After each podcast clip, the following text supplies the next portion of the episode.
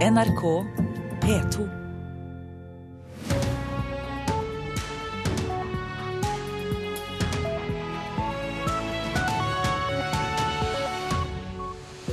Og her ønsker Øystein Heggen deg velkommen til Nyhetsmorgen. Vi skal høre mer om det vi hørte i Dagsnytt, at staten står klar med mange penger til bedrifter som er villige til omstilling.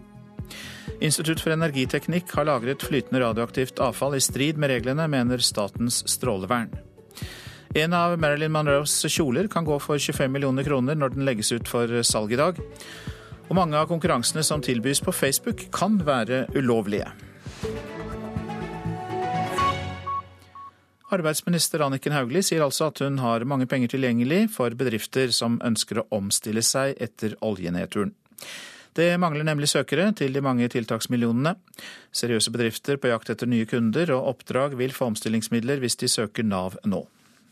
Vi har mye penger igjen i kassa. De bedriftene som eh, oppfyller kriteriene og som har gode og seriøse søknader, eh, de vil kunne motta støtte. Og i og med at det er mye penger igjen, så er det altså store muligheter for å kunne søke. Og det vil jo være en viktig håndstrekning for de mange bedriftene som nå trenger å orientere seg til andre markeder enn olje- og gassnæringen. Nav kan bruke det som trengs til bedriftsintern opplæring, fra en ekstra rammebevilgning på over en halv milliard kroner til tiltak for ledige. Men tiltaket blir også videreført neste år. At vi kan sikre eksisterende arbeidsplasser, men også at de bedriftene som er der ute skal kunne vokse eh, og gi oss enda flere arbeidsplasser. Det var arbeidsgiverne i NHO og arbeidstakerne i LO som i fjor foreslo at regjeringen satser mer på bedriftsintern opplæring, mens bedrifter sliter med oljesmellen. Og NHOs direktør for arbeidsliv og kompetanse, Kristina Jullum Hagen, sier de går i gang med å informere bedriftene bedre i dag. Vi mener at dette tiltaket er veldig viktig i omstillingsregioner, og at det har vært etterspurt blant våre bedrifter. Kanskje er det sånn at man ikke har god nok kjennskap til tiltaket. Og det at vi nå hører at det finnes mer midler å søke om, det er en veldig god nyhet. Og vi vil samarbeide med Nav om å gjøre den informasjonen kjent i næringslivet, sånn at vi får flere søkere. Fordi dette er en ordning som eh, brukt riktig vil ruste bedriftene eh, på kompetansesida for eh, framtida, som gjør at de står enda sterkere når oppgangstidene kommer. Sier nestleder Hans Christian Gabrielsen i LO som gjerne deler informasjonsansvaret om ordningen med opplæring i bedriftene med arbeidsgiverne og med staten. Her tror jeg vi i alle i fellesskap skal ta et ansvar for å sørge for at eh, ordningen blir bedre kjent eh, ute i bedriftene. Ute i bedriftene har sju ganger flere personer fått støtte til omskolering så langt i år, sammenlignet med fjoråret. Og de fleste er bedrifter på Sør-Vestlandet. Det viser ferske tall fra Nav. Men det er ikke nok for arbeidsminister Anniken Hauglie. Jeg har besøkt eh, verft som tidligere har levert eh, supplybåter til eh, olje og gass, som har gjort en stor omstilling og nå leverer cruiseskip til til reiselivsnæringen. Tilsvarende ser vi mange bedrifter landet rundt som nå gjør den jobben med å finne nye muligheter i nye markeder. Men man må ikke være verft eller eh, oljeleverandør for å søke på de midlene? Nei, altså alle bedrifter som ønsker å omstille seg til nye markeder kan eh, søke. Og det tenker hun rett i. Men kanskje Nav må gjøre det enda lettere for bedriftene enn til nå, spør LOs nestleder Hans Christian Gabrielsen. Eh, og at vi i fellesskap også ser på, på hvilken måte vi kan finne løsninger som gjør at uh, egenandeler, at uh, økonomi ikke blir utslagsgivende for hvorvidt man kan sette i gang med, med denne type tiltak. Reporter var Hedvig Bjørgum. Hvem snakker på vegne av folket, og hvem er eliten i norsk politikk? Spørsmålet er oppe til debatt hos deg i Politisk kvarter i dag, programleder Lilla Sølhusvik. Ja, for debatten har gått svært høyt etter at eh, Sylvi Listhaug har skrevet blogg med heftig kritikk av det hun kaller feministeliten, som alltid skal bestemme over andre, og særlig når det gjelder fødselspermisjoner og den slags. En av den som følte seg truffet, var Grete Berget.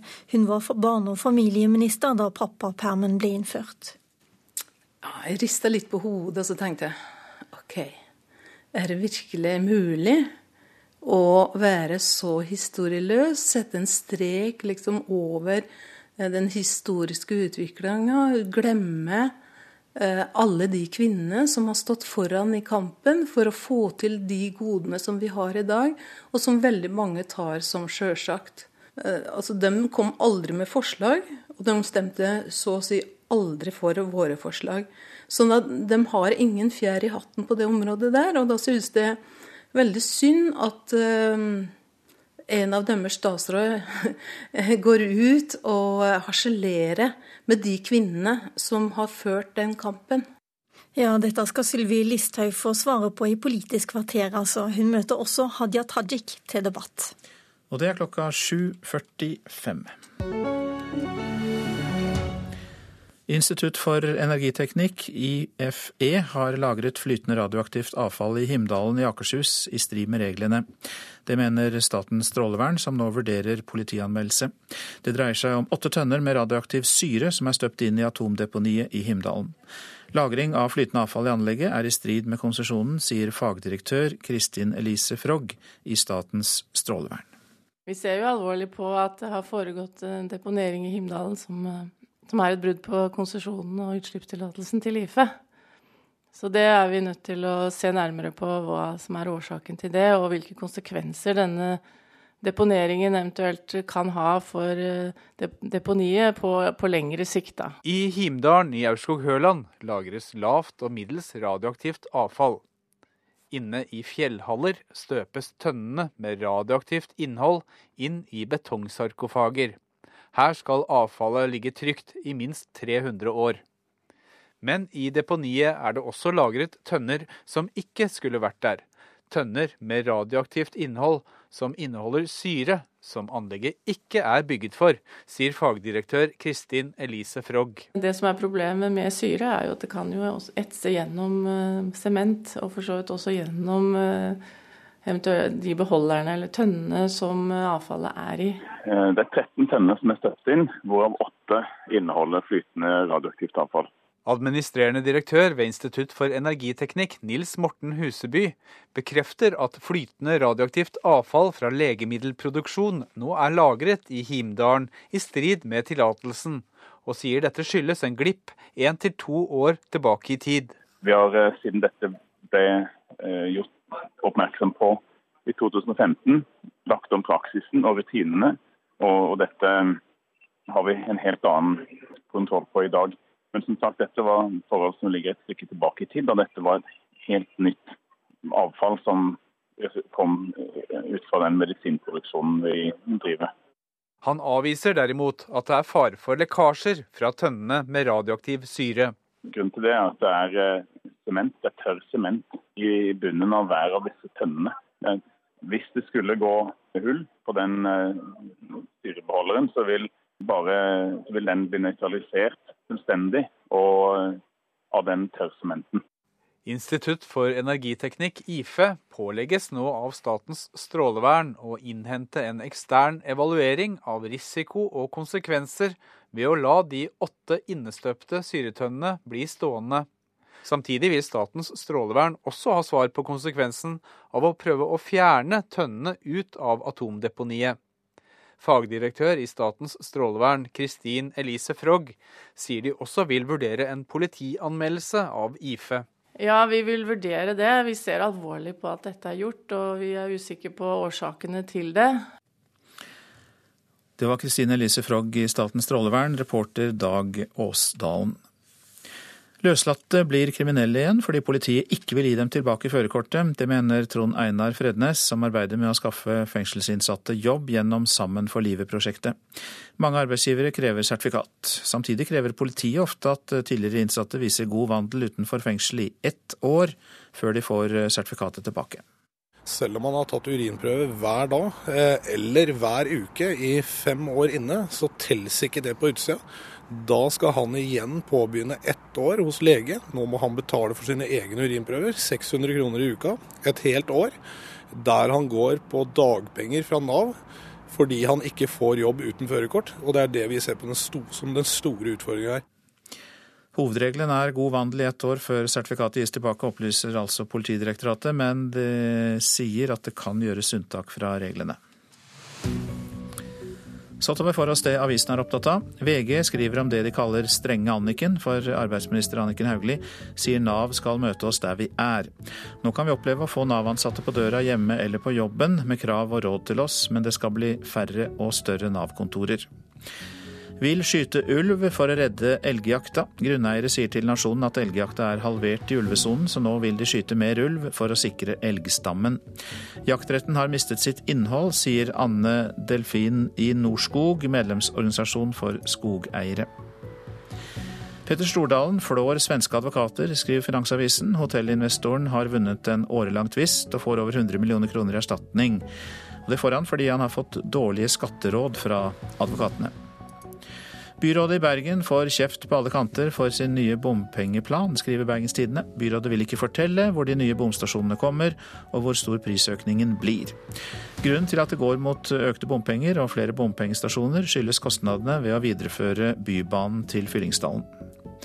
Venstre truer med klimabrudd, skriver Klassekampen. Sentralstyremedlem Guri Melby sier Venstre skal nekte å stemme for budsjettet hvis ikke regjeringen gir etter på ultimatumet om drivstoffavgifter. Tvinges til å ta tap tidligere, er oppslaget i Dagens Næringsliv. Bankene har så langt hatt lave tap på utlån til offshorenæringen, men nå kan nye regnskapsregler i 2018 endre på det. Bankene kan risikere å doble tapene med de nye reglene. Alle presidentens hvite gamle menn. Dagsavisen går gjennom listen av mulige rådgivere og regjeringsmedlemmer til Donald Trump, og finner nesten bare eldre, konservative menn. Over 15 000 boliger venter på å bli bygd i Oslo, får vi vite i Aftenposten. Mens boligprisene skyter i været, står flere tomter som er regulert for boliger, urørt etter ti år. Skal det ikke bo folk på bygda, spør innbyggerne i Bjelland i Vest-Agder på forsiden av Federlandsvennen. Bank, bakeri, meieri, gjestgiveri, butikker og postkontor har alt forsvunnet i turorden. Nå vil rådmannen også legge ned skolen. Bygdefolk i Bjelland mener han da like gjerne kan legge ned hele bygda. Får eh, Høgmo lønn selv om han selv trakk seg, eller var både Fotballforbundet og den tidligere landslagssjefen enige om at eh, nok var nok på samme tid? Disse spørsmålene er ikke blitt godt nok besvart, mener redaktør av fotballtidsskriftet Josimar, Frode Lia. Han kritiserer derfor Fotballforbundet for manglende åpenhet. Nei, altså Dette begynner å bli et mønster. Altså, nå tror jeg det er tiende gangen i løpet av få måneder eh, NFF nekter å, å, møte til debatt eller stille opp i intervjuer. Det sier redaktør i fotballskriftet Josimar Frode Lia til NRK, etter at det i går ble stilt spørsmål om hvorfor avtroppende landslagssjef Per-Mathias Høgmo får lønn ut 2017, selv om det var han som tok initiativ til å trekke seg. Det kjennes riktig at jeg, jeg trer tilbake. NFF svarer at de forholder seg til kontrakten med Høgmo, og at det var begge partene som kom til enighet om fratredelse. Per-Mathias tok jo da initiativet sjøl, og vi hadde en uh, veldig god, god, dialog. Det svaret mener Lia ikke er godt nok. Han mener NFF burde stilt til intervju senere på dagen for å gi et tydeligere svar. Det har jo noe med den åpenhetskulturen som uh, Terje Svendsen uh, prekerte før han ble trådt inn som fotballpresident. At organisasjonen fremstår som åpen, tydelig og forutsigbar er viktig. Det sa altså Terje Svendsen til NRK i januar, før han ble valgt som fotballpresident. Lia mener ikke dette løftet har blitt fulgt godt nok opp. Det som er det gale, er jo åpenheten. Altså, og da får du også en sånn mistenkeliggjøring. Generalsekretær i NFF Kai Erik Arstad sier til NRK at han ikke kjenner seg igjen i kritikken Lia kommer med. I denne isolerte saken så eh, kan jeg ikke skjønne at vi blir utsatt for den kritikken. Så direkte må jeg være på det. Her har vi vært fullstendig åpne på prosess, i pressemelding, i pressekonferanse. Vi stilte på én-til-én-intervju eh, halvannen time ca. etter pressekonferansen og har vært dønn gjennom ærlige på, på denne prosessen. Reporter Marte Nyløkken Helseth, og i vår siste halvtime om et par timers tid så skal vi spekulere litt i hvilke nye trenere som er aktuelle for fotballandslaget. Klokka er 6.47, dette er hovedsaker. Arbeidsminister Anniken Hauglie vil at flere bedrifter søker om støtte til opplæring av egne ansatte. Det mangler søkere til alle tiltaksmillionene. Institutt for energiteknikk har lagret flytende radioaktivt avfall i strid med reglene, mener Statens strålevern. Og vi har hørt at Hillary Clinton oppfordrer sine tilhengere til å holde ut under Trump-æraen. Det sa hun under en tale i Washington i går, den første etter at hun erkjente nederlaget i presidentvalget.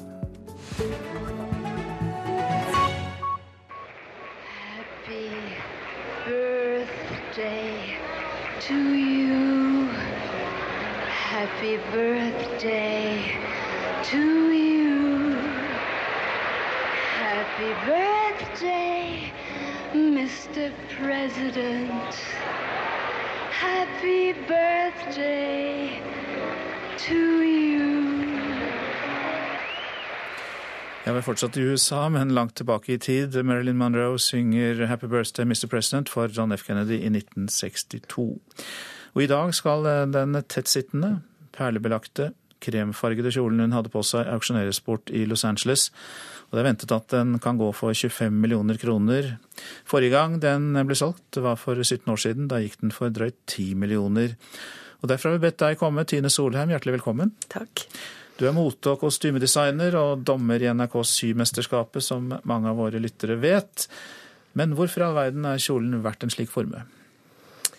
Nei, altså det man på en måte ikke tenker over, det er jo at klær er kunst på samme måte som malerier på lerret og andre ting. Eh, og det, det, er nesten enda større i utlandet, på en måte. Og en sånn kreasjon som dette er jo et fullstendig ikonisk one piece of art, egentlig. Hvem lagde kjolen? Jo, det var en fransk designer som heter Jean-Louis Berthaud. Han gikk for å hete Jean-Louis eh, fra Paris, og som emigrerte til New York i 1936. Eh, og senere så ble han, han ble da fanget opp av Hollywood, så han ble, var en av de største eh, altså kostymedesignerne på hele filmhistorien på, gjennom 40- og 50-tallet. Så han lagde alle de berømte kostymene. Han ble nominert 14 ganger til Oscar, faktisk. Fikk Oscar-prisen én gang. Og det er klart at Gjennom um, arbeidet sitt på film så ble han jo kjent med alle de store stjernene. Så han lagde fantastiske kjoler til Rita Hayward og Marilyn Monroe. og ja. Og denne også er i kategorien fantastisk? Ja, den er jo det, da. Selvfølgelig. Nå er det jo hele settingen og hele nummeret som selvfølgelig gjør denne kjolen så utrolig verdifull.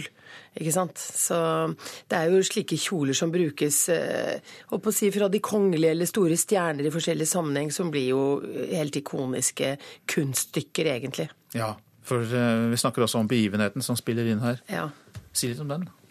Nei, altså ehm, Jeg tror at eh, folk hadde muligens mistanke til eh, et eller annet mellom Marilyn Monroe og eh, president John F. Kennedy på forhånd, men altså var de i tvil, så tror jeg det ble rimelig sementert etter den mest sensuelle fremførelsen av 'Happy Birthday to You' som hun fremførte, og i da en utrolig sensuell kjole. For sånne tunge, perlebelagte kjoler som sys på chiffon, de blir jo utrolig kroppsnære. De detter jo etter kroppene, så hun var jo liksom en Venus der hun sto, ikke sant?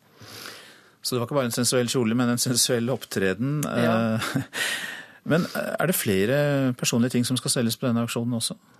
Eh, nei, jeg tror det bare er denne kjolen her, så vidt jeg vet. Men eh, det vet jeg ikke helt om, faktisk. Nei, Det har vært snakk om at det kanskje også jo, det er noe, noe, noe leppestift og noe smykker. Ja, noe slikt. Ja.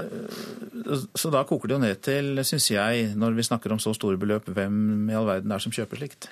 Ja, altså Det jeg syns er fantastisk, man tenker umiddelbart i all verden hva er vitsen med å bruke penger på sånn, men vi gjør jo det når det går et Munch-maleri for millioner òg. Det er egentlig samme kategori. Det er kunst på den menneskelige kroppen, som jo i og for seg er det største kunstverket, ikke sant. Og så har man malerier. Det er eh, ja, eh, heldigvis noen som da har såpass mye penger at de kan kjøpes opp, for det kan jo ofte ikke museer. Så de kjøpes opp da av eh, private collectors, men som da låner dem ut til store utstillinger med klær som de har i Paris og London og New York. Da har de fantastiske utstillinger. Og jeg var nylig da i Paris på, på um, klesutstillinga Jean, Jean Lanvin, og der er det private mennesker som låner ut klærne til sånne utstillinger. Hjertelig takk for at du kom. Ingen årsak. Ja. Tine Solheim, mote- og kostymedesigner, og selvfølgelig også dommer i eh, NRKs eh, Symesterskapet. Nå om at mange konkurranser som tilbys på Facebook kan være ulovlige. Å be brukerne dele innlegg eller tagge venner er i strid med markedsføringsloven og Facebooks retningslinjer.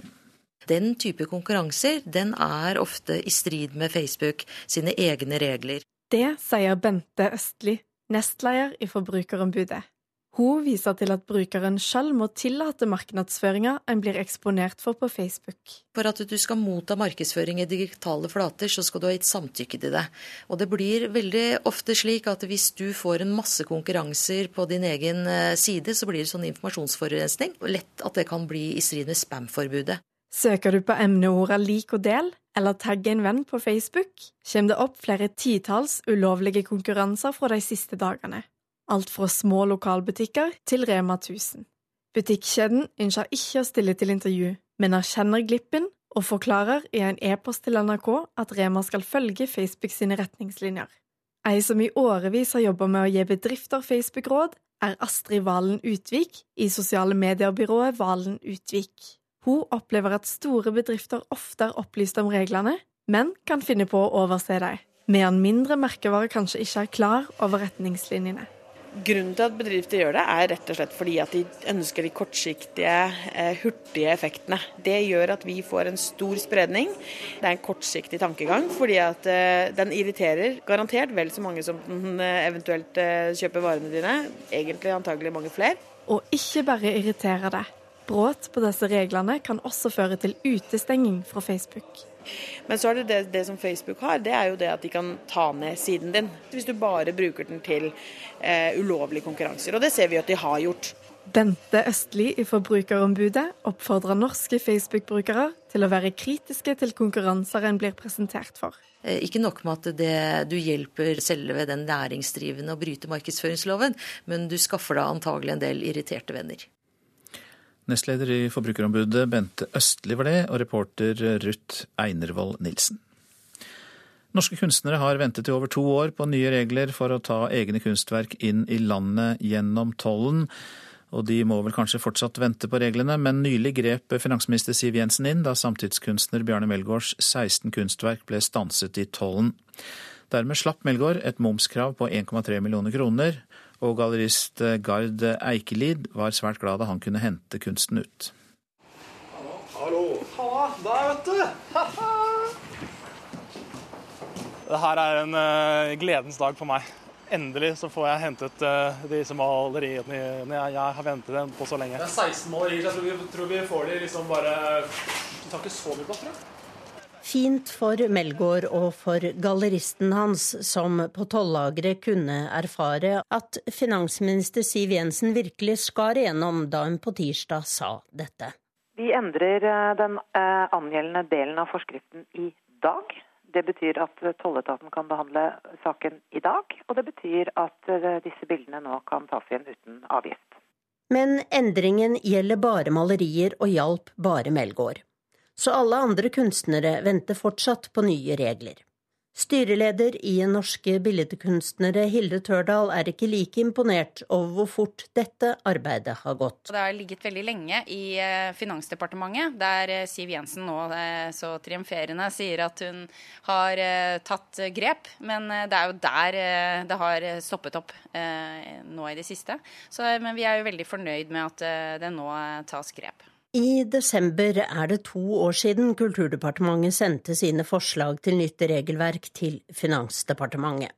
Og det er disse forslagene som Siv Jensen nå skal sende ut på høring. Men uh, dette er et regelverk som har ligget nærmest uendret uh, i uh, tror jeg 50 år snart. Så det er kanskje på tide å modernisere det litt, og det gjør vi nå. I mellomtiden venter kunstnerne på nye regler, for de siste to årene har mange av dem støtt på problemer i tollen. Og det har jo vært veldig mange andre også som har eh, kommet til oss med de samme problemstillingene, men som ikke har ønsket å være offentlige. Men det, det kan jo ikke være slik at hvem som helst kan kalle seg kunstner når de står der i tollen? Det er derfor det er bra å se på hva slags aktivitet eh, denne personen har hatt tidligere. Har den hatt utstillinger?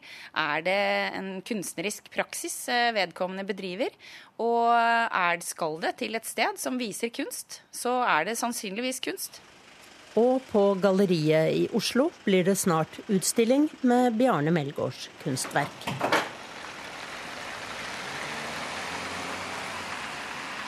Og der kjørte bilen med kunsten bort fra tollageret. Reporter var Tone Staude. Så tar vi for oss været. Fjellet i Sør-Norge først. Sørvestlig liten kuling utsatte steder. Om kvelden dreiende sørøst. Perioder med snø sør for Filefjell, ellers stort sett oppholdsvær. Østafjells får sørvestlig vind opp i stiv kuling på kysten. Mest vind blir det i Agder først på dagen.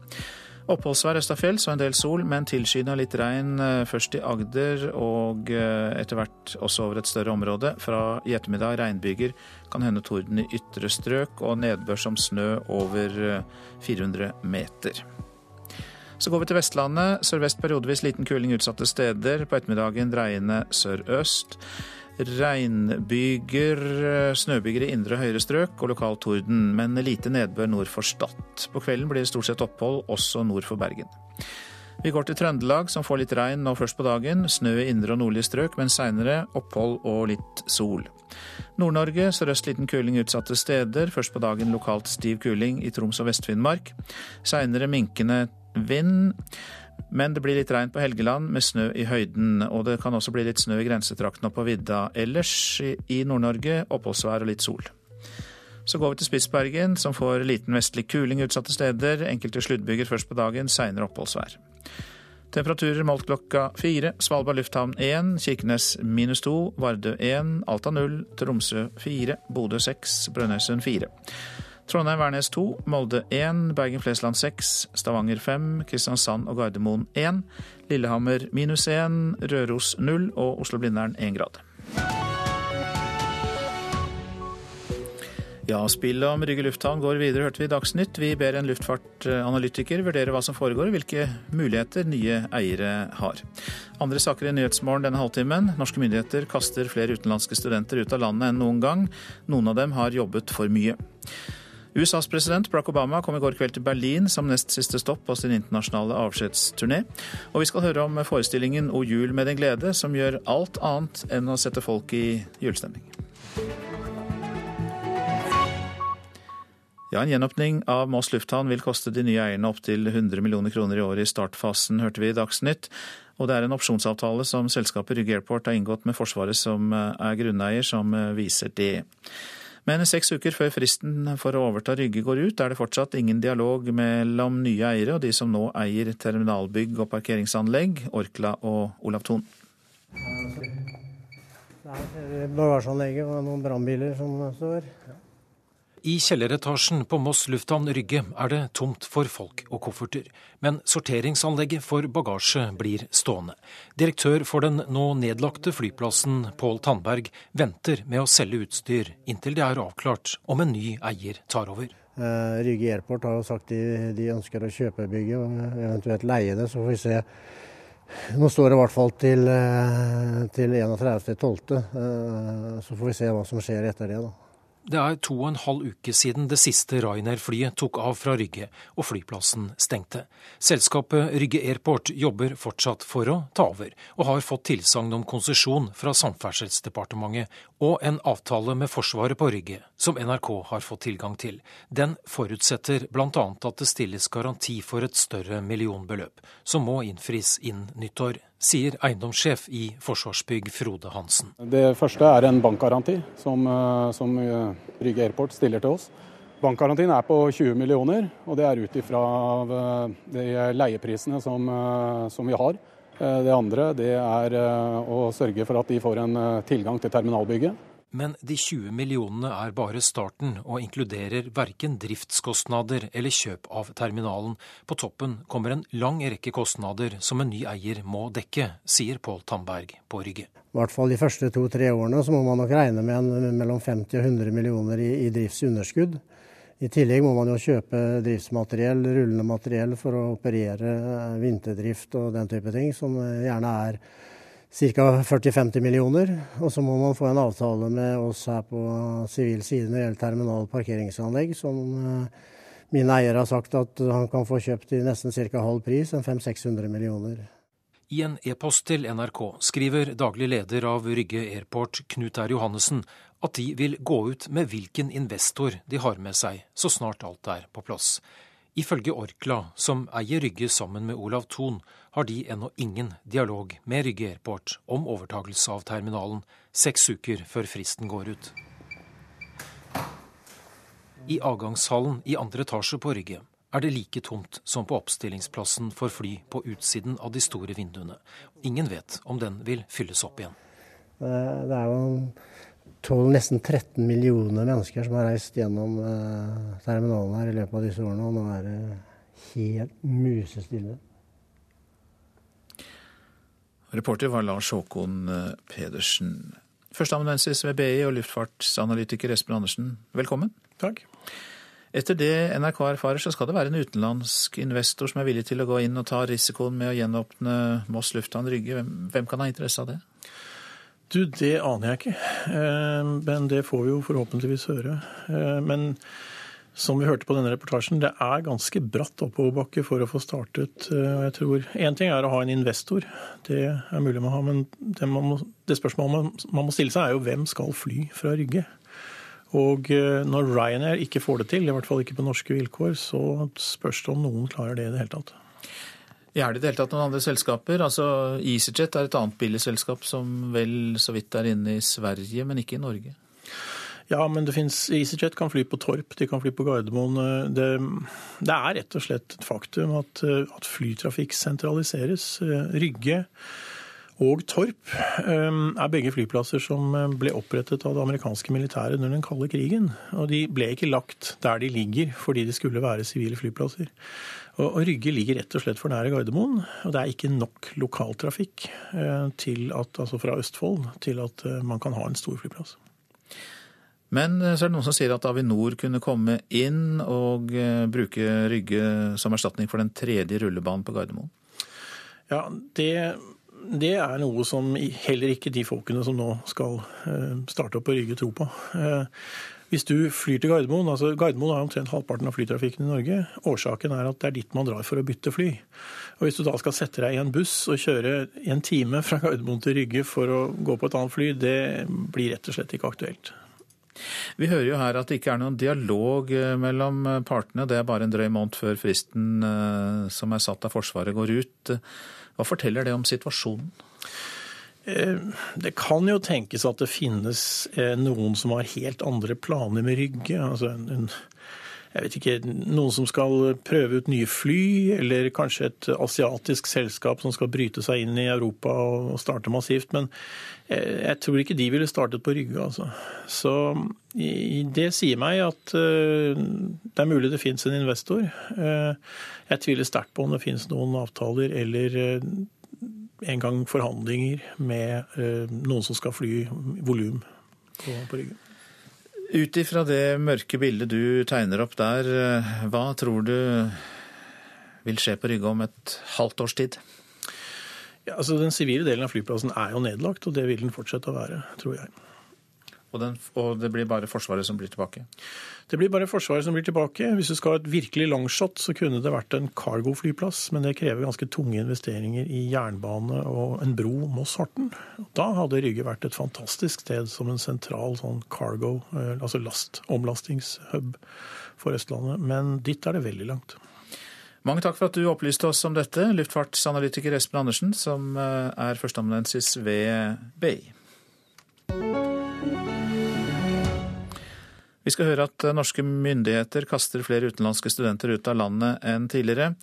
Simon Manana fra Uganda jobbet og tjente for mye ved siden av studiene for å finansiere drømmen om skole og folkehelse i hjemlandet, og derfor er han utvist fra Norge. Uh, Det sier Simon Manana fra Uganda. Simon forteller at han føler seg urettferdig behandla av norske myndigheter. Ved siden av å levere en mastergrad i folkehelse, har han jobba og betalt skatt. Men han har jobba mer enn det han har lov til, og er derfor utvist av Norge og Schengen i fem år. After studying, working very hard, paying taxes, and then you're told that because you worked very hard, we are banning you out of this country. Som utenlandsk student hadde Simon lov til å jobbe 20 timer i uka, men han har tidvis jobba mer enn ei fulltidsstilling. Årsaken til at Simon har jobba så hardt ved siden av studiene, er både det at han er student uten studielån og må kunne leve, men også det at han driver et bistandsprosjekt i Uganda som bl.a. innebærer folkehelse og skole for barn. Simons advokat heter Bengt Høyer Pedersen. Han har i mange år jobba med utlendingssaker. Men i sommer skjedde det noe nytt. Pedersen fikk på løpende bånd saker på bordet om studenter som hadde fått forhåndsvarsel om utvisning for, som Simon, å ha jobba mer enn de har lov til ved siden av studiene. Det er ikke noen nye regler på dette, men, men eh, det går på da at man har grepet fatt fra utlendingsmyndighetens side har, har grepet fatt i denne type saker eh, nå denne sommeren. NRK har også snakka med Utlendingsdirektoratet, UDI, som eh, sier følgende. Vi har hele tiden vurdert saker som gjelder dette, men vi har som følge av kontinuerlig forbedring eh, avdekket flere forhold som gjelder dette, som medfører at vi har fått flere saker som gjelder studenter som jobber ulovlig. Og reporter var Eirik Hind Sveen. Så om uh, feil i piper, peiser og vedovner, som er en langt hyppigere årsak til branner på hytter enn i hus. Derfor har staten bestemt at feierne skal sjekke hytter og sommerhus over hele landet. Og vi skal til eh, Hvaler og Fredrikstad. Der er det 8500 fritidsboliger, så det kan ta tid før feiermester Stian Christoffersen og hans stab får besøkt alle som har ildsteder. Når det gjelder piper og ildsteder eh, rundt om, så brenner det oftere på, på hytter da, enn det gjør i boliger. Så, så, sånn sett så er det nok veldig greit å ta den runda. Du, du har, på hytter så er det veldig ofte at folk eh, holder på litt sjøl, og kanskje du tar med deg den gamle ommen som du har hatt i huset ditt i mange år. At du tar den med på hytta. Eh, kanskje ikke like påpasselig i forhold til brannmurer og avstander til brennbart materiale og sånne ting. Og det er det feierne vil sjekke. For noen har kanskje murt opp pipa selv eller montert inn en ovn, og da mener feiermester Stian Christoffersen at det er viktig at de ser etter at det er gjort riktig. Hvis du monterer ommen din feil, eh, så, så, trenger det ikke være veldig mange gangene du trenger å fyre før du, du får en eh, altfor høy varme på et treverk f.eks. Og, og det vil skape en pyrofort, da, eller at det blir selvantenne, for å si det sånn. Så så det er, nok, det er, nok, den delen der vi legger mest trykk på. Hyttene i Fredrikstad og i Hvaler det er jo sommerhytter for de aller, aller fleste. Er det noen grunn til å tenke at det her står det kanskje ikke så bra til da? Ja, du kan si det er kanskje ikke akkurat den feiebiten. Det er, det er klart det er greit å få børsta bort litt sot og få renska noen ovnsrør og sånn bortover. Det er helt sikkert. Men eh, det store problemet her, er, og det, det, som er viktig, er jo den sjekken som blir tatt rundt omkring. Og når feierne først drar på hyttetur, ja da skal de kontrollere at sikkerhetsutstyr også er på plass. Røykvarsler og slokkeutstyr, rømningsveier, sånn som eh, generell brannsikkerhet. da. Feievesenet i Fredrikstad lover å ta feiing og tilsyn samtidig, og oppfordrer hytterne til å gå sammen, så én kan ta dem imot på vegne av flere. De vurderer også å ta kvelder og helger i bruk. Vi må se an litt behovet, og så ikke se bort ifra at vi må jobbe noen kvelder og noen helger og, og få stå på litt eh, for å komme rundt. Da. For det her må jo skje liksom, eh, kan du si, i løpet av sommerhalvåret, da folk eh, er ute der. sånn. Så det er da vi kommer til å, å legge trykk på, på det arbeidet her. Det er 8500 hytter i Hvaler og Fredrikstad, og det er de som har pipe og peis eller ovn til vedfyring som skal ha besøk. Feierne har fått en båt for å komme seg raskt fram, og én ekstra ansatt. Så feimester Stian Christoffersen sier det kan ta år før de får besøkt alle. Jeg håper vi har fått en oversikt eh, i løpet av en eh, fem-seks år i hvert fall. Så, og da, når vi har vært en runde igjennom, så ser vi litt hva behovet er, og hvor ofte vi trenger å, å være der. For det er ikke noe sånn at vi skal være der annethvert år eller hvert år eller noe sånt noe. Det, det skal være behovsprøvd. Så da, da kan vi jo se. Feiermester i Fredrikstad hørte vi der. Stian Christoffersen, reporter Anne Ognedal. Klokka går mot 7.16. Og vi har disse hovedsakene. Luftfartsanalytiker Espen Andersen sa her i Nyhetsmorgen nettopp at han ikke tror det blir ny sivil flytrafikk ved Rygge lufthavn. Seks uker før fristen for å overta Rygge går ut, er det fortsatt ingen dialog mellom gamle og eventuelle nye eiere. Norske myndigheter kaster flere utenlandske studenter ut av landet enn noen gang. Noen av dem må dra fra Norge fordi de har jobbet for mye i tillegg til studiet. Japans statsminister Shinzo Abe møter Donald Trump i dag. Han blir den første utenlandske statslederen som møter den nyvalgte amerikanske presidenten ansikt til ansikt. Vi får mer om det snart. Men aller først om den sittende presidentens besøk i Berlin. Det er nest siste stopp på USA-president Barack Obamas internasjonale avskjedsturné. Korrespondent i Berlin, Guri Nordstrøm, hva står på programmet? I dag skal Merkel og Obama ha bilaterale møter, og i morgen så kommer også statslederne eh, fra Storbritannia, Frankrike, Italia og Spania. Og Det de bl.a. skal snakke om, er en mulig forlengelse av sanksjonene mot Russland pga. situasjonen i Ukraina og bombingen i Syria. Disse sanksjonene går nemlig ut i slutten av januar. Og det er en viss frykt for at når Trump tar over som president 20.1, så vil han da reversere det som europeiske og amerikanske ledere har vært enige om tidligere når det gjelder Russland. Så Derfor ønsker nok Merkel, May, Hollande, Renzi og Rajoy å snakke med Obama og bli orientert om hva Trump sa til ham da de møttes i Det hvite hus i forrige uke. Og så ønsker de nok også å signalisere til Trump om at de står samlet eh, om dette, slik at det kanskje ikke blir så lett for han da å, å snu om på alt. Hvordan har forholdet vært mellom Obama og Merkel? Ja, mellom de to personlig så er det utrolig godt. Eh, Obama har jo omtalt Merkel som sin nærmeste internasjonale partner eh, gjennom sine åtte år som president. Eh, I går kveld så spiste de to middag alene sammen i tre timer på hotell Adlon, der Obama bor. Eh, og Sist Obama var her i Tyskland, det var da i Hannover i april.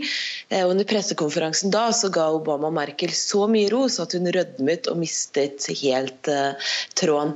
Og De har jo jobbet godt sammen i flere vanskelige saker. Finanskrisa, klimakrisa. Og også stått veldig sterkt sammen når det gjaldt uh, ønsket om å få gjennom frihandelsavtalen TTIP. Så dette virker da selvfølgelig også inn på forholdet mellom eh, USA og Tyskland? Ja, Stort sett så har det vært et godt forhold. Eh, rett etter den kalde krigen så ble jo Tyskland og USA veldig nære allierte. Eh, så hadde de en nedtur i 2003, da Tyskland nektet å bli med på invasjonen av Irak. Eh, forsvarsminister Remsfeld latterliggjorde da Tyskland og kalte det hånlig for det gammeldagse Europa. Det var også en annen nedtur i forholdet for tre år siden, da det ble kjent at amerikanerne hadde avlyttet Merkels telefon over flere år. Men de siste årene har forholdet vært veldig godt. Obama og Merkel har stått eh, sterkt sammen også når det gjelder de økonomiske sanksjonene mot, eh, mot Russland. Til slutt, La oss bruke noen sekunder på Donald Trump. Hvordan forholdet blir mellom ham og Merkel, tror du?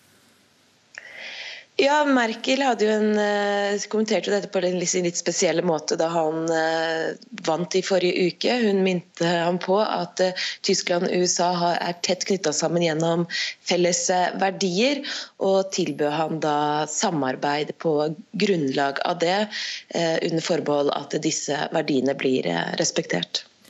Hun tok sine forbehold. Takk skal du ha, korrespondent Guri Nordstrøm i Berlin. Vi skal snakke mer om eh, møter som amerikanske eller påtroppende amerikanske presidenter skal gjøre, for Japans statsminister Shinzo Abe skal møte Donald Trump i dag. Første regjeringssjef fra utlandet blir han altså, som møter den nyvalgte presidenten. Trump kritiserte Japan i valgkampen for å bruke for lite penger på Forsvaret, og vil skrote handelsavtalen TPP, der Japan er med. Så Asia-korrespondent Peter Svaar, er det ventet at Japans AB vil forsøke å overtale USAs Trump til å la handelsavtalen leve? Ja, altså, Shinzo Abe har lagt så mye politisk prestisje i å få denne handelsavtalen Trans-Pacific Partnership igjennom. Den ble ratifisert eh, av eh, det japanske parlamentet dagen etter det amerikanske valget. Eh, Abe har åpnet tjenestesektoren i Japan for konkurranse til mye politisk motstand. og I det minste må han for syns skyld prøve å gjøre et siste forsøk på å redde denne avtalen. Forhandlingene har jo pågått i mange år. Det skulle bli verdens største handelsavtale med USA og land i Stillehavsregionen. Det er en Trump i valgkampen kalte en katastrofe for USA, og derfor regner alle med at eh, dette initiativet nå er eh, helt politisk dødt. Dette er et stort politisk nederlag for Shinzo Abe, selv om han nok i dag vil, vil forsøke å, å redde den. Så det sannsynlige er at handelsavtalen ikke vil komme i, tre i kraft? Det er det helt overhengende sannsynlige, men nå er eh, statsledere fra de elleve landene som fortsatt vil ha denne avtalen, fra Chile til Australia, Sør-Korea, Japan, Taiwan, på vei til APEC-toppmøtet i Peru, som eh, starter og skal gå nå i helgen. De er enige om å holde samtaler for å se om stumpene kan reddes på noen måte, f.eks. om landene kan gå videre med avtaleteksten uten at eh, USA er med. Men det mest sannsynlige, og det sa også Japans statsminister Abe i et intervju i går, det er at kineserne vil utnytte dette tomrommet til å fremme sine egne handelsavtaler for Asia og Stillehavsregionen. Eh, en avtale som heter RCEP. Det er avtaler der Kina er med, men USA er ute. Så Trumps valgseier kan altså allerede før han tiltrår neste år som president, føre til et totalt eh, skifte i handelspolitikk og handelsstrømmer her i Asia, der Kina nå overtar det førersetet. Og Hva er det ventet at Abe vil svare på kritikken mot at eh, han bruker for lite penger på Forsvaret? Ja, Japan har jo blitt kritisert gjennom eh, valgkampen av Trump. Eh, og Trump har antydet at de amerikanske soldatene i Japan kan bli trukket ut om eh, den japanske regjeringen ikke selv betaler mer. Så det er jo for første gang nå siden annen verdenskrig stilt spørsmål ved hvor langt de amerikanske sikkerhetsgarantiene gjelder. Trump har jo også sagt at Japan og Sør-Korea kanskje bør få egne atomvåpen. Det paradoksale i dette er at Shinzo Abe i mange år har jobbet for det samme. Han har jobbet hardt for å ruste opp og for å fjerne begrensningene den japanske grunnloven legger mot at Japan skal ha offensive militærstyrker. Så en ny amerikansk administrasjon nå som presser AB til å ruste opp Forsvaret, kan faktisk være et stort pluss for ham og hans agenda. De amerikanske basene, særlig på Okinawa, har vært veldig upopulære i Japan. Det har vært mange historier om japanske jenter som blir voldtatt av amerikanske soldater. Det har vært store demonstrasjoner, vært mye folkelig motstand. Risikoen nå er at et rustningskappløp i Asia, dersom Japan også velger å ruste opp, vil øke spenningene med Kina og endre den militære balansen her for første gang på en generasjon. Mange takk skal du ha, Asia-korrespondent Peter Svaar. Så noen ord om det avisen er opptatt av. VG skriver om det de kaller strenge Anniken, for arbeidsminister Anniken Hauglie sier Nav skal møte oss der vi er. Nå kan vi oppleve å få Nav-ansatte på døra hjemme eller på jobben. Vil skyte ulv for å redde elgjakta. Grunneierne sier til Nasjonen at elgjakta er halvert i ulvesonen, så nå vil de skyte mer ulv for å sikre elgestammen. Petter Stordalen flår svenske advokater, skriver Finansavisen. Hotellinvestoren har vunnet en årelang tvist for over 100 millioner kroner i erstatning fordi han fikk dårlige råd eh, om skatt fra advokater. Byrådet i Bergen får kjeft fra alle kanter for sin nye bompengeplan, skriver Bergens Tidende. Byrådet vil ikke fortelle hvor de nye bomstasjonene kommer og hvor stor prisøkningen blir. Venstre truer med klimabrudd, skriver Klassekampen. Sentralstyremedlem Guri Melby sier Venstre skal nekte å stemme for budsjettet hvis ikke regjeringen gir etter på ultimatumet om drivstoffavgifter.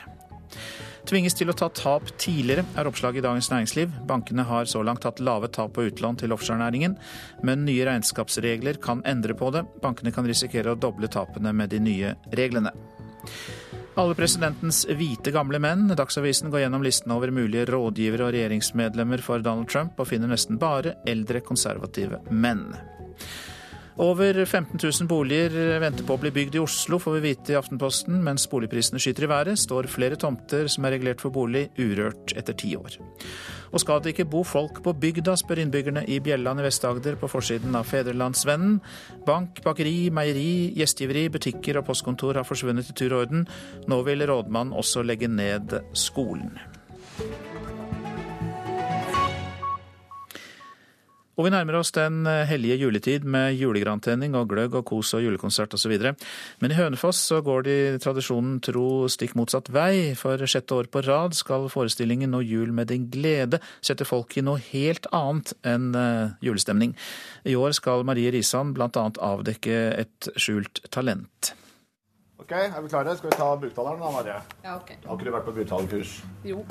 Eller strengt tatt så Du skulle egentlig vært der i kveld. Skulle ha vært der i kveld. mange ganger har du vært der? Én. Én, ja. Og da var det teori. Da var det teori, Så i dag er det første praksis. Ja. Vær så god. Ok. Er det mulig for en gjeng Si hei til publikum nå, Konrad. Nei, jeg gidder ikke. Jeg er sliten. Buktaling står faktisk på programmet i år, når gjengen bak Og jul med din glede inntar byscenen i Hønefoss på torsdag. Og Marie Risan prøver for første gang å snakke uten å bevege leppene. Mens nesten to meter høye Eivind Lien er dokka Konrad. I 15 år har jeg fått beskjed om å eh, mer diksjon, mer diksjon, eh, og ikke kunne røre på leppene da. Det er ganske vanskelig. Jeg har kjemperespekt for buktalere fra, fra i dag. Fyttekatta. Det er vanskelig. Jeg må bare Jeg får sånn til i kjeven, for jeg driver og gaper så mye. Det var så slitsomt å være dokka i buktaling. Og så slitsom for meg. Men jeg må jo kunne hele teksten, jeg òg, for at jeg åpner munnen helt riktig. Helt synkront med det hun sier. ikke sant? Dette er jo perfeksjonisme. Helt fingerspitzgefühl. Ikke sant? Mm. Hvorfor ler dere? På låven, på låven. Han nikker og han smiler og han er så glad. For sjette året på rad prøver regissør Bror Andersen sammen med Anne Sem Jacobsen, Eivind Lien og Marie Risan å sette folk i helt feil julestemning. Ballaven. på låven. For julegrøten den vil han gjerne ha. Og rundt omkring står alle de små rotter. Og de skotter, og de skotter. De vil så altså, gjerne jula begynner litt for tidlig. Og det gjelder for å få liksom den skikkelig skikkelig gode julestemningen når det nærmer seg, så må du liksom litt ned og ta i bakken i, og kjenne litt på den dårlige først. Det skal vi sørge for.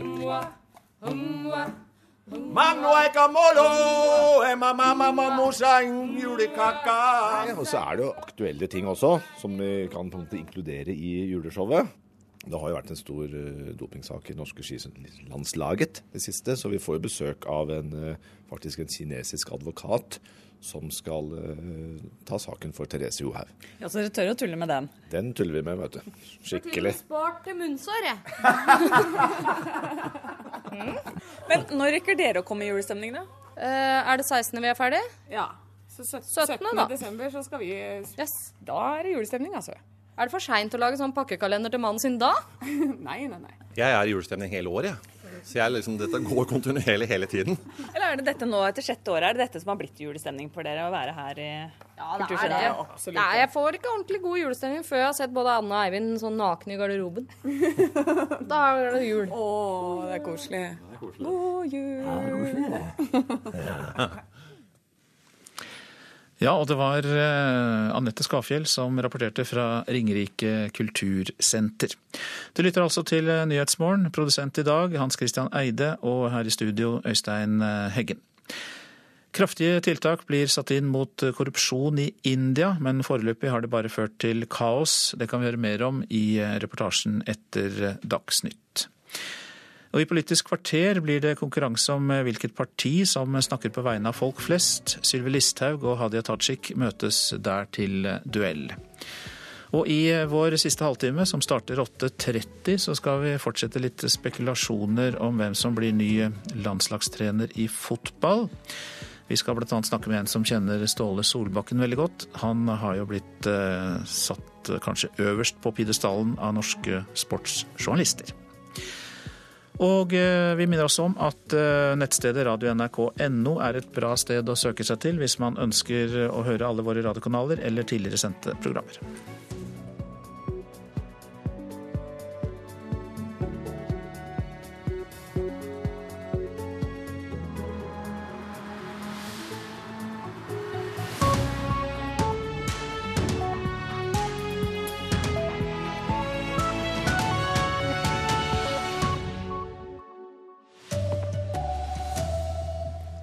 Dere må bare holde ut med Trump, sier Hillary Clinton.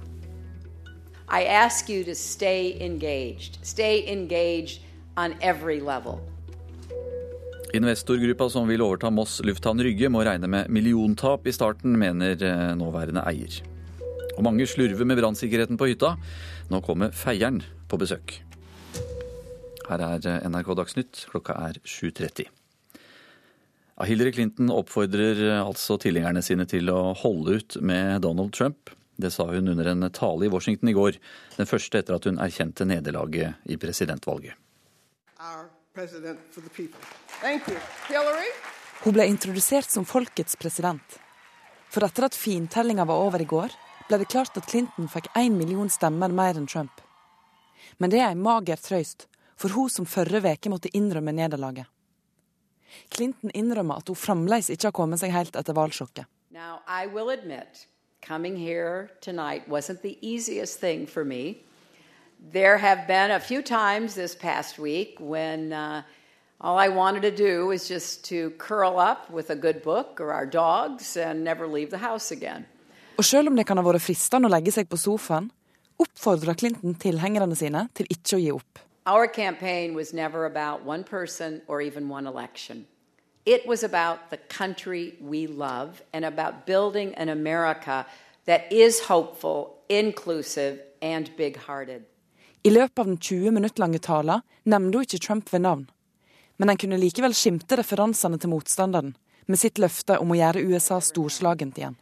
America is still the greatest country in the world. This is still the place where anyone can beat the odds. It's up to each and every one of us to keep working to make America better and stronger and fairer. Reporter her, det var Gunhild Årdal. Enn så lenge så heter eh, USAs president eh, Barack Obama. Han eh, kom i går kveld til Berlin som nest siste stopp på sin internasjonale avskjedsturné. Korrespondent Guri Nordstrøm i Berlin, hvem er det han skal møte? Ja, Han skal først og fremst møte Merkel eh, i dag. Eh, der skal de ha bilaterale møter. Så i morgen så kommer statslederne fra Storbritannia, Frankrike, Italia og Spania. Og Det de bl.a. skal snakke om, er en mulig forlengelse av sanksjonene mot Russland pga. situasjonen i Ukraina og bombingen i Syria. Disse sanksjonene går nemlig ut i slutten av januar. og Det er en viss frykt for at når Trump eh, overtar som president 20. januar, så vil han reversere det som europeiske og amerikanske ledere har vært enige om til nå når det gjelder eh, Russland. Men hvordan har eh, forholdet mellom Barack Obama og Angela Merkel vært? Det er eh, utrolig godt. Obama har omtalt Merkel som sin nærmeste internasjonale partner gjennom sine åtte år som president. I går kveld så spiste de to middag alene sammen i tre timer på hotell Adlon, der Obama bor. Og Sist Obama var her i Tyskland, i Hannover i april, eh, så ga Obama Merkel så mye ros under pressekonferansen at hun rødmet og mistet helt eh, munn og mæle. Og De har jo jobbet godt sammen i flere vanskelige saker finanskrisa, klimakrisa, og har også stått sterkt, sterkt sammen i ønsket om frihandelsavtalen TTIP. Hvordan blir forholdet mellom de to landene med Donald Trump i den amerikanske presidentstolen? Det er veldig spennende nå. Da det ble kjent at Trump vant i forrige uke, så kommenterte Merkel det på sin litt spesielle måte. Hun minte han om at Tyskland og USA er tett knyttet gjennom et eh, felles verdifellesskap. Og hun tilbød Trump et tett samarbeid eh, med forbehold om at disse verdiene ble, ble tatt hensyn til. Takk skal du ha, Guri Nordstrøm i Berlin. Gruppa Rygge Airport prøver å overta for å drive Moss lufthavn Rygge videre. Men en mulig ny eier må tåle gigantiske tap i oppstartsfasen. Det sier han som har drevet flyplassen de siste åra. Tåler nesten 13 millioner mennesker som har reist gjennom eh, terminalen her i løpet av disse årene. Og nå er det helt musestille. Direktør Pål Tandberg er nesten alene igjen på Moss lufthavn Rygge, etter at den populære lavprisflyplassen stengte for to uker siden. Den private gruppen Rygge Airport med tidligere forsvarsminister Anne Grete Strøm Eriksen som styreleder, har fått frist til nyttår med å dokumentere at de kan finansiere ny sivil trafikk på flyplassen. Men det vil bli enormt dyrt, sier Tandberg. I hvert fall de første to-tre årene så må man nok regne med en, mellom 50 og 100 millioner i, i driftsunderskudd. I tillegg må man jo kjøpe driftsmateriell, rullende materiell, for å operere eh, vinterdrift og den type ting, som eh, gjerne er ca. 40-50 millioner. Og så må man få en avtale med oss her på sivil side når det gjelder terminal parkeringsanlegg, som eh, min eier har sagt at han kan få kjøpt i nesten ca. halv pris, en 500-600 millioner. En utenlandsk investor som skal stå bak Rygge Airport, har foreløpig ikke vist ansikt. Til NRK skriver daglig leder av Rygge Airport, Knut R. Johannessen, at de vil fortelle hvem investoren er når alt er på plass. De har bare seks uker på seg nå. Dagens Rygge-eiere, Orkla og Olav Thon, sier de ikke har noen dialog med den nye interessenten. Sa reporter Lars Håkon Pedersen.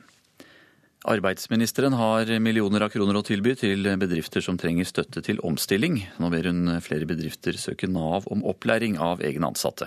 Da blir bedriftene bedre rustet til å vinne nye oppdrag, sier Anniken Hauglie. Fra regjeringens side er vi opptatt av å hjelpe dem over kneika, bidra til at de kan satse på sine egne ansatte. Og det gjør vi bl.a. ved at vi bevilger store summer til omstillingsstøtte. Og så er det mye penger igjen i kassa, så her er det bare å søke. Nav kan bruke det som trengs til bedriftsintern opplæring, fra en ekstra rammebevilgning på over en halv milliard kroner til tiltak for ledige. Men tiltaket blir også videreført neste år. De bedriftene som oppfyller kriteriene og som har gode og seriøse søknader, de vil kunne motta støtte. Og i og med at det er mye penger igjen, så er det altså store muligheter for å kunne søke og NHOs direktør for arbeidsliv og kompetanse, Kristina Jullum Hagen, sier de går i gang med å informere bedriftene bedre i dag. Og Det at vi nå hører at det finnes mer midler å søke om, det er en veldig god nyhet. Og vi vil samarbeide med Nav om å gjøre den informasjonen kjent i næringslivet, sånn at vi får flere søkere. Det var arbeidsgiverne i NHO og arbeidstakerne i LO som i fjor foreslo at regjeringen satser mer på bedriftsintern opplæring, mens bedrifter sliter med oljesmellen. Dette er en ordning som ruster bedriftene på kompetansesida for framtida. Sier nestleder Hans Christian Gabrielsen i LO. Så mitt ønske er at enda flere benytter seg av ordningen, og at vi i fellesskap også ser på på hvilken måte vi kan finne løsninger som gjør at uh, egenandeler, at uh, økonomi ikke blir utslagsgivende for hvorvidt man kan uh, sette i gang. Reporter Hedvig Bjørgum. Nav skal omorganiseres, slik at det blir færre og større kontorer. Nav-ansatte skal oppsøke folk hjemme og på jobb. Det går fram av arbeidsminister Anniken Hauglies nye store Nav-plan, som skal settes i gang de neste månedene. Det skriver VG. Feil på piper og peis er en langt hyppigere årsak til branner på hytter enn i hus. og Derfor har staten bestemt at feierne skal sjekke hytter og sommerhus over hele landet. Folk er ikke like nøye med å følge reglene på hytta, tror feiermester Stian Kristoffersen. På hytter så er det veldig ofte at folk holder på litt sjøl, og kanskje du tar med deg den gamle ommen som du har hatt i huset ditt i mange år. At du tar den med på hytta. Kanskje ikke like påpasselig i forhold til brannmurer og avstander til brennbart materiale og sånne ting. Og det er det feierne vil sjekke. For noen har kanskje murt opp pipa selv eller montert inn en ovn, og da mener feiermester Stian Kristoffersen at det er viktig at de ser etter at det er gjort riktig. Hvis du monterer ovnen din feil, så, så, trenger det ikke være veldig mange gangene du trenger å fyre før du, du får en altfor høy varme på et treverk f.eks. Og, og det vil skape en pyrofort, da, eller at det vil selvantenne, for å si det sånn. Så og når feierne først drar på hyttetur, ja da skal de kontrollere at sikkerhetsutstyr også er på plass. Røykvarsler og slokkeutstyr, rømningsveier, sånn som generell brannsikkerhet. Reporter Anne Ognedal. Redaktør Frode Lia i fotballbladet Josimar kritiserer ledelsen i Norges Fotballforbund for nok en gang å ikke stille til debatt om viktige saker. Denne gangen så gjelder det avgangen til landslagstrener Per-Mathias Høgmo i går. Nei, altså Dette begynner å bli et mønster. Altså, nå tror jeg det er tiende gangen i løpet av få måneder eh, NFF nekter å, å, møte til debatt eller stille opp i intervjuer. Generalsekretær i NFF Kai Erik Arstad sier til NRK at han ikke kjenner seg igjen i kritikken Lia kommer med. I denne isolerte saken så kan jeg ikke skjønne at vi blir utsatt for den kritikken. Reporter her, det var Marte Nylykken Helseth. I dag så er det Anne Skårseth som har ansvaret for NRK Dagsnytt. Jeg heter Anders Borgen Werring.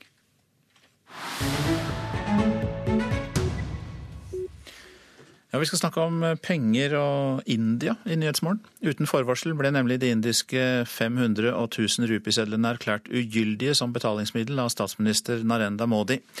Målet var å stanse korrupsjon, hvitvasking og skatteunndragelser. Men etter at denne beslutningen kom for en ukes tid siden, så har det bare ført til kaos og et samfunn som jo i et samfunn som er helt avhengig av kontanter. Lenge før daggry begynte de første å stille seg i kø utenfor bankfilialen i New Delhi. Først sju timer senere kunne de dra, etter å ha vekslet inn de snart verdiløse pengesedlene. Innen da hadde mange hundre andre stilt seg i køen som slynget seg fram og tilbake på parkeringsplassen. Sånn har det vært over hele India den siste uken. Desperate mennesker som frykter at de ikke skal få tak i pengene de trenger i hverdagen. Ser du noen med svarte penger her? Noen som hamstrer svarte penger, spør Chotelal. Dette går bare utover de fattige.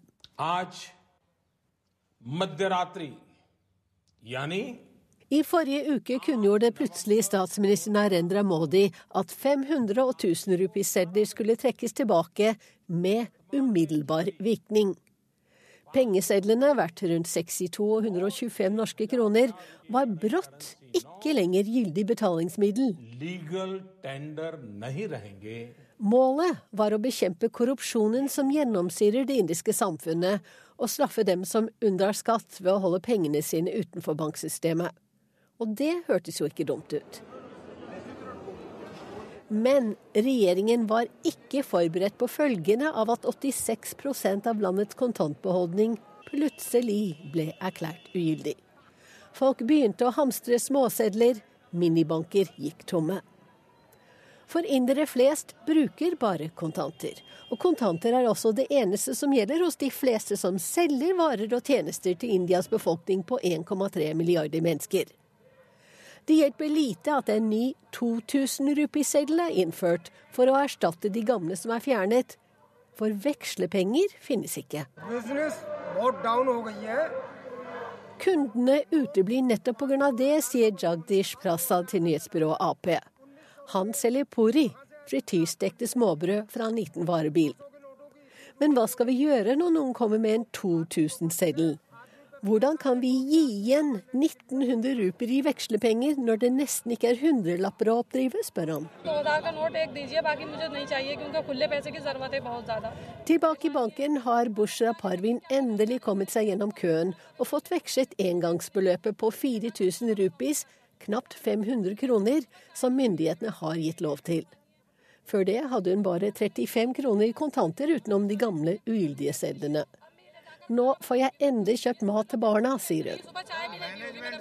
Men det er en dårlig skjult hemmelighet at mer velstående mennesker klarer fint å omgå den begrensningen ved å betale andre for å stå i kø og veksle penger for dem.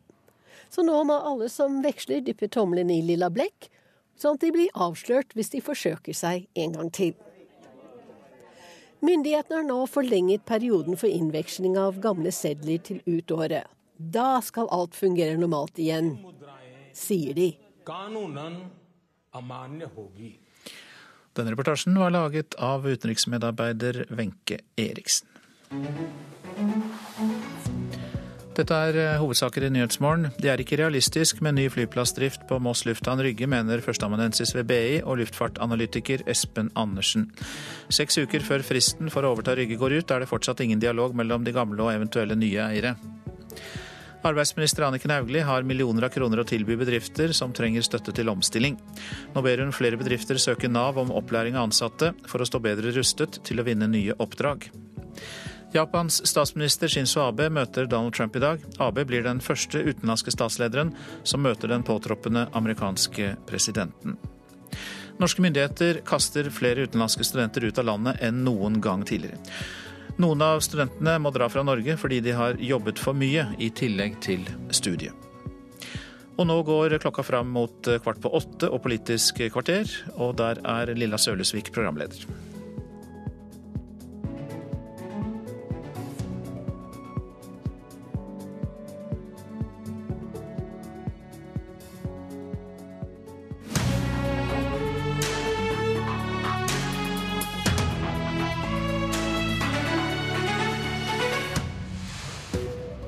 Fremskrittspartiet snakker for folk flest. Arbeiderpartiet for eliten. Eller var det omvendt? Hun som innførte pappapermen, syns uansett det er greit med den nye merkelappen hun har fått fra Sylvi Listhaug, feminist-elitist. Ja, hvis noen har behov for å sette meg i eh, bås, så kan jeg godt være det. Jeg kalte meg kvinnesakskvinne. Velkommen til Politisk kvarter, Sylvi Listhaug og Hadia Tajik. De siste dagene etter valget i USA så har ordkrigen mellom Fremskrittspartiet og Arbeiderpartiet tatt seg kraftig opp her hjemme. Tirsdag satt Arbeiderparti-nestleder Trond Giske her i Politisk kvarter og påsto at det var lettere å finne vulgære uttalelser i Frp enn hos Donald Trump. Svaret fra Frp kom i går, og det har du gjentatt, Sylvi Listhaug, på Facebook-sida di. Der skriver dere det eliten i Arbeiderpartiet gjør, er å pisse på vanlige slitere, for så å klage på at de lukter vondt. Og jeg lurer på, hvem er eliten i Arbeiderpartiet? Hva mener du med det? Jeg mener det at vi har hatt en meningsbærende elite i Norge i mange år, som har fått definere hva som er det gode, og definert andre som liksom onde og litt sånn ned, altså, dårlige folk. Som har fått lov til å eh, egentlig definere hva som er politisk korrekt, og hva som ikke er lov til å si. Og nå ser vi at Den siste hersketeknikken på den fronten er jo at hvis du har tydelig tale, du kaller en spade for en spade, så er du trømsk. Så dette her føyer seg bare inn i et mønster. Og jeg reiser veldig mye rundt i Norge og snakker med folk. Og jeg får masse tilbakemeldinger fra helt vanlige folk som sier Jeg syns det er så befriende med deg, Listhaug, for du sier det som, er, som du mener. Du står for noe. Du viker ikke unna hver gang noen er uenig med deg. Og selv om alle angrep kommer fra alle kanter, så, så står du for det du mener. Men eh, du det, kom det, her i dag, Det sier meg at ja. der ute så er det mange som kanskje føler at man har blitt stigmatisert. Spesielt i innvandringsdebatten, hvis man ønsker en streng politikk. Så blir man kalt rasister. Det siste er Hitler, Quisling, eh, altså Goebbels. Jeg veit ikke hva man ikke blir kalla hvis man ønsker en restriktiv politikk. Men du kommer her i dag, Sylvi Listhaug, i eh, svart bil. Du har sikkerhetsvalgt utenfor, du har rådgiver utenfor her, du har, statsråd, du har vært statsråd på fjerde året. Hva er det som gjør at du ikke er elite? Du har til og med en mann som jobber på Stortinget og millionlønn og jeg kan ramse opp mye annet.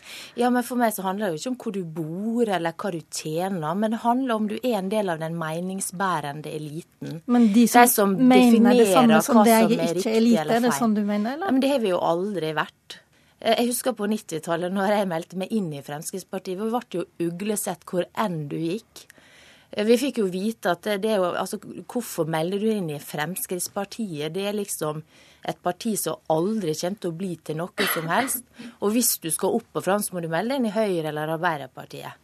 Det var jo det mest idealistiske som gikk inn i Fremskrittspartiet den gangen, og jeg tror det er sånn fremdeles. Hadia Tajik, nestleder i Arbeiderpartiet. Er du fortsatt elite, selv om du ikke sitter med makta akkurat nå? Altså Både Sylvi Listhaug og jeg har jo vokst opp eh, på små steder på Vestlandet. Eh, far min er sveiser, og den første jobben mor mi hadde i eh, Norge, var å pakke sild i sildefabrikken i Stavanger. Det er vel ingen som tenker på det første gang de ser deg? vil jeg tro? Nei, jeg tror ikke det. Men det sier òg noe om at mulighetene i dette landet er store, og avstanden til makt er kanskje ikke så lang som man kanskje intuitivt kan tro. Men nå er det tross alt likevel sånn at Sylvi Listhaug sitter i regjering, jeg sitter på Stortinget. Vi forvalter jo makt begge to på ulike måter, men særlig særlig når du er statsråd i et regjeringsparti. En stort nærmere en elite er det ikke mulig å komme. Og Fremskrittspartiet har styrt dette landet i tre år. og Sylvi Listhaug har vært med på å dominere noen av de store debattene i dette landet og lagt premissene for de. Eh, og det blir, da, det blir veldig vanskelig eh, med det utgangspunktet å påstå at man ikke er en del av en elite, sånn som Sylvi Listhaug gjør. Den politikken som Fremskrittspartiet fører, er jo heller ikke en politikk som kommer vanlige folk til gode. De kutter i barnetillegget til uføretrygden. De kutter i pendlerfradraget for de som uh, må bo et annet sted enn der de jobber. Men, samtidig som de som får mest fra denne regjeringen Sylvi Listhaug på, på Facebook-sida hennes, de snakker jo ikke om dette pendlerfradraget eller uh, trygda. De snakker jo rett og slett om innvandrere, og mener at hun snakker for folk flest. Jeg tror På samme måte som at du finner folk som er enig med Sylvi Listhaug på hennes Facebook-side, så finner du folk som er enig med andre på deres Facebook-sider. Jeg tror ikke dette er et representativt utvalg. Hadde folk flest vært veldig fornøyd med den politikken som regjeringen fører, som vi jo ser kommer de som har mest til gode, eh, og er de som får mest ut av det, så ville Fremskrittspartiet hatt en større oppslutning enn det de har i dag, på snaue 10% Og den oppslutningen som de har i fagbevegelsen, har blitt mer enn halvert etter at de kom i regjering. Folk ser jo at det, den politikken som Fremskrittspartiet fører, den får konsekvenser for vanlige folk. Vi vet jo nå at de som hadde lav utdanning, de stemte for eh, Donald Trump, eh, Listhaug. Er det de du er ute etter? Eh, du skriver i bloggen din f.eks. at du er lei av at eliten skal fortelle folk flest hva som er riktig og galt. Og så skriver du 'eksperter' med anførselstegn. Hvilke eksperter er det vi ikke skal stole på? Det er altså sånn at det er ikke bare de som har lav utdanning som støtter en streng innvandringspolitikk, som syns det er befriende at man snakker om problemer istedenfor å feie det under teppet. Nå lurte jeg på hvilke eksperter stor... skal vi ikke stole på? Jeg mener at folk er sant å tenke sjøl. Og når det gjelder altså foreldrepermisjon, så handler det jo om at jeg mener folk er best stand, i stand til å velge sjøl. Men det har vært sånn over mange år at hvis du velger å være hjemme med barna dine, ta permisjon, altså mor tar lang permisjon, da er du liksom et dårlig forbilde for resten av kvinnene. Fordi du er ikke ute etter pensjonspoeng og høye lønninger. Kanskje jobber du deltid for å være mer sammen med familien. For meg så er dette fantastisk flotte verdier, og jeg respekterer hver ei kvinne som velger det. Men for meg så er det annerledes, for jeg har en jobb som at jeg må komme raskt tilbake. Eh, og jeg tror at mange føler at eh, venstresida er veldig opptatt av å bestemme over folk, definere hva som er riktig, og det er altså å være en del av de som jager etter posisjoner. Men kan du si, si hvem er ekspertene? Det er et, en, et, begrep du nå har lansert på den nye mm. bloggen din, det er feministeliten. Ja. Hvem er det? Ja, jeg mener det er jo de som er meningsbærende. Det har jo i stor grad vært eh, Arbeiderpartiet. de som er SV. meningsbærende? Ja, de som har fått definere hva som er riktig. Akkurat nå er det jo du som er meningsbærende, er det ikke det? Altså, det, Du ser jo hva som skjer når jeg legger ut denne bloggen. Da er det jo et ramaskriv uten like. Med andre ord, jeg treffer noe ømme tær. Og det sier meg at det, det er overhodet ikke sånn at det er det som eh, på sett og vis er politisk korrekt, når du får så massive angrep fra venstresida. Men en som i alle fall, si men, nei, nei, det skal ja. du få si etterpå i så fall. For en som i alle fall følte seg truffet, det var tidligere barne- og familieminister Grete Berge. Mm. Hun var den første statsråden som ble gravid, som du er gravid nå. Men for over 20 år siden så var det en helt annen tid på det området. Ja, Det ble en veldig høylytt og nærgående debatt. Eh, og den gangen så ble det stilt spørsmålstegn ved om jeg i hele tatt eh, visste hva det å være en god mor var, når jeg kunne eh, dra ut igjen så kort tid etter Eller ta en så kort permisjon, da, overlate så mye til pappa. Per tok eh, ti måneders eh, permisjon, og da mm, måtte vi jo dele på lønna mi de to siste månedene. Det var ingen barnehageplass. En desperat situasjon. Eh, så seint Per skulle ut igjen 1.1 i jobb. Og mm, så seint som lille julaften så hadde ikke vi løsning. Det var ikke dagmamma å få, det var ikke praktikant å få, det var ikke barnehageplass å få. Jeg vurderte faktisk om jeg måtte gå av, for jeg hadde ikke barnehageplass. Og bare det i dag, at de fleste er sikra barnehageplass, det, er, det gjør hverdagen enklere. Men hva tenkte du da du leste innlegget til uh, Sylvi Listhaug? Ja, jeg rista litt på hodet, og så tenkte jeg OK, er det virkelig mulig å være så historieløs, sette en strek liksom over eh, den historiske utviklinga, glemme eh, alle de kvinnene som har stått foran i kampen for å få til de godene som vi har i dag, og som veldig mange tar som sjølsagt. Eh, altså, de kom aldri med forslag, og de stemte så å si aldri for våre forslag. Sånn at de har ingen fjær i hatten på det området der. Og da synes det veldig synd at uh, en av deres statsråder går ut og harselerer med de kvinnene som har ført den kampen. Men du ble jo også møtt av en slags feminisme-elite, eller feministelite, som eh, mente at eh, du burde gjennomføre en lang permisjon, som feministene faktisk hadde kjempa for. Ja, det også var interessant. Og det var jo også ja, f.eks. Likestillingsombudet den gangen, som gikk imot eh, fedrekvoten. Eh, sånn at vi hadde en debatt eh, den gangen også. Det var ny tenkning. Og det var en linje om at de godene rundt barn, småbarn, permisjon, det skulle forbeholdes mammaene. Føler du deg som en feminist-elitist? Ja, hvis noen har behov for å sette meg i eh, bås, så kan jeg godt være det. Jeg kalte meg kvinnesakskvinne. Ja, det sa Grete Berge som jeg møtte i går. Listhaug, du er jo kjent for å kalle en spade for en spade. Hvor langs den veien din var det at en kvinnesakskvinne ble en feminist-elitist? Det er jo fordi man har definert hva som er riktig og galt. Men nå har vi jo løst den utfordringa som Grete Berge sto opp i. Det var jo Fremskrittspartiet og SV som sørger for å ta initiativ til et barnehageforlik som gjør at alle foreldre som nå ønsker plass, i hvert fall som er født i, i, på, i årets nå er det vel ti første måneder, får plass. Sånn at eh, Det kan jo da Grete Berg og alle andre takke bl.a. Fremskrittspartiet for. Det var et par andre ting som hun nevnte der. SFO-ordninger, pappaperm f.eks. Den vil dere avskaffe. Ja, det mange... Ja, Burde vi... ikke du takke henne for å ha gått foran deg? Nei, jeg, altså jeg hadde nok eh, fått barn uansett om Grete Berg hadde gjort det før meg eller ikke. Hadde Fordi... du gjort det på samme måten? Det hadde jeg nok helt sikkert. Og jeg mener fremdeles at dagens ordning, diskusjonen der, går på om foreldre og familien skal bestemme mer, og det mener jeg. Men så vil jeg bare si én ting, for du var jo inne på flere ting for vanlige folk. Altså Det å øke skattene med over 10 milliard kroner, som Arbeiderpartiet foreslår, det vil jo ikke gi flere arbeidsplasser til de som nå sliter. Det å øke avgiftene for bilister Jo, men når hun først er inne på disse temaene, så må det være lov å være inne på det også. Det er vel riktig at feministene har vært ganske klare på hva som er rett og galt. Hadia Tajik, du får representere dem nå. Jeg er ikke interessert i å styre verken Sylvi Listhaug sitt liv eller noen andre sin liv. Det tror jeg eh, damer klarer å gjøre helt fint sjøl. Men en av de virkelig store revolusjonene i dette landet, det er at eh, damer fra 70-tallet og utover ble en sterkere og sterkere del av norsk arbeidsliv og samfunnsliv. Det er en større revolusjon enn at vi klarte å finne olje i dette landet.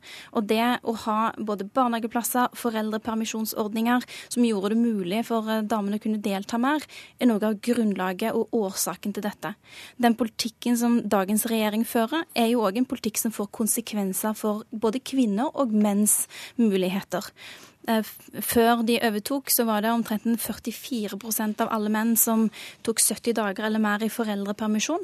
Da de kutta i fedrekvoten, så er vi nå nede i 6% av alle menn som tar foreldrepermisjon i 70 dager eller mer. Så det de gjør, det får konsekvenser både for kvinner og for menn. Jeg mener at både mor og far er likeverdige omsorgspersoner for ungene sine, og vi er nødt til å gjøre det mulig for, eh, for både flere menn å kunne velge å være hjemme, og flere damer å kunne velge å være ute. Da trenger man aktive politiske tiltak. Og Nå kommer det jo nok en gang at det som er riktig, det er at fedre skal være hjemme så så lenge. Det har jeg jo ikke sagt engang. Jo, men det er jo det du sier. Nei, jeg sier at det skal være mulig. Men det kommer vel ikke rekende på ei fjøl, som man sier på mine kanter, at mannen din nå er helt uproblematisk, ingen diskuterer det, kan være mange måneder hjemme uten at noen tenker at eh, du er kanskje en litt dårlig mor, eller dette er, er veldig mange, uvanlig? Det er nok mange som kanskje tenker at det å gå tilbake så raskt i jobb er forholdsvis krevende. Det vet jeg, for jeg har gjort det to ganger før. Det andre er at jeg tror mange kvinner har dårlig samvittighet når de forlater en liten baby for å gå på jobb. Og Derfor så skjønner jeg så godt de som også velger litt annerledes enn meg. De som har andre prioriteringer. De som velger å være sammen med barna sine, som du godt har båret fram i ni måneder og gjennom en fødsel og alt dette her. Og det er respekten for det valget jeg er opptatt av, og det føler jeg på mange måter at venstresida ikke har hatt.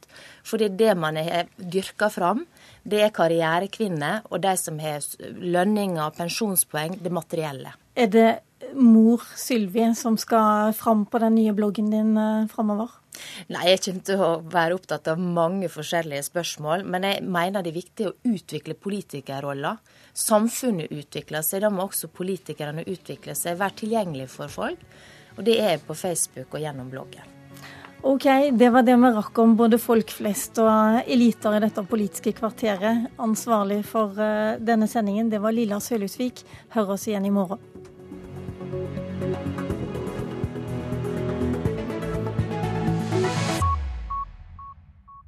Hør flere podkaster på nrk.no podkast.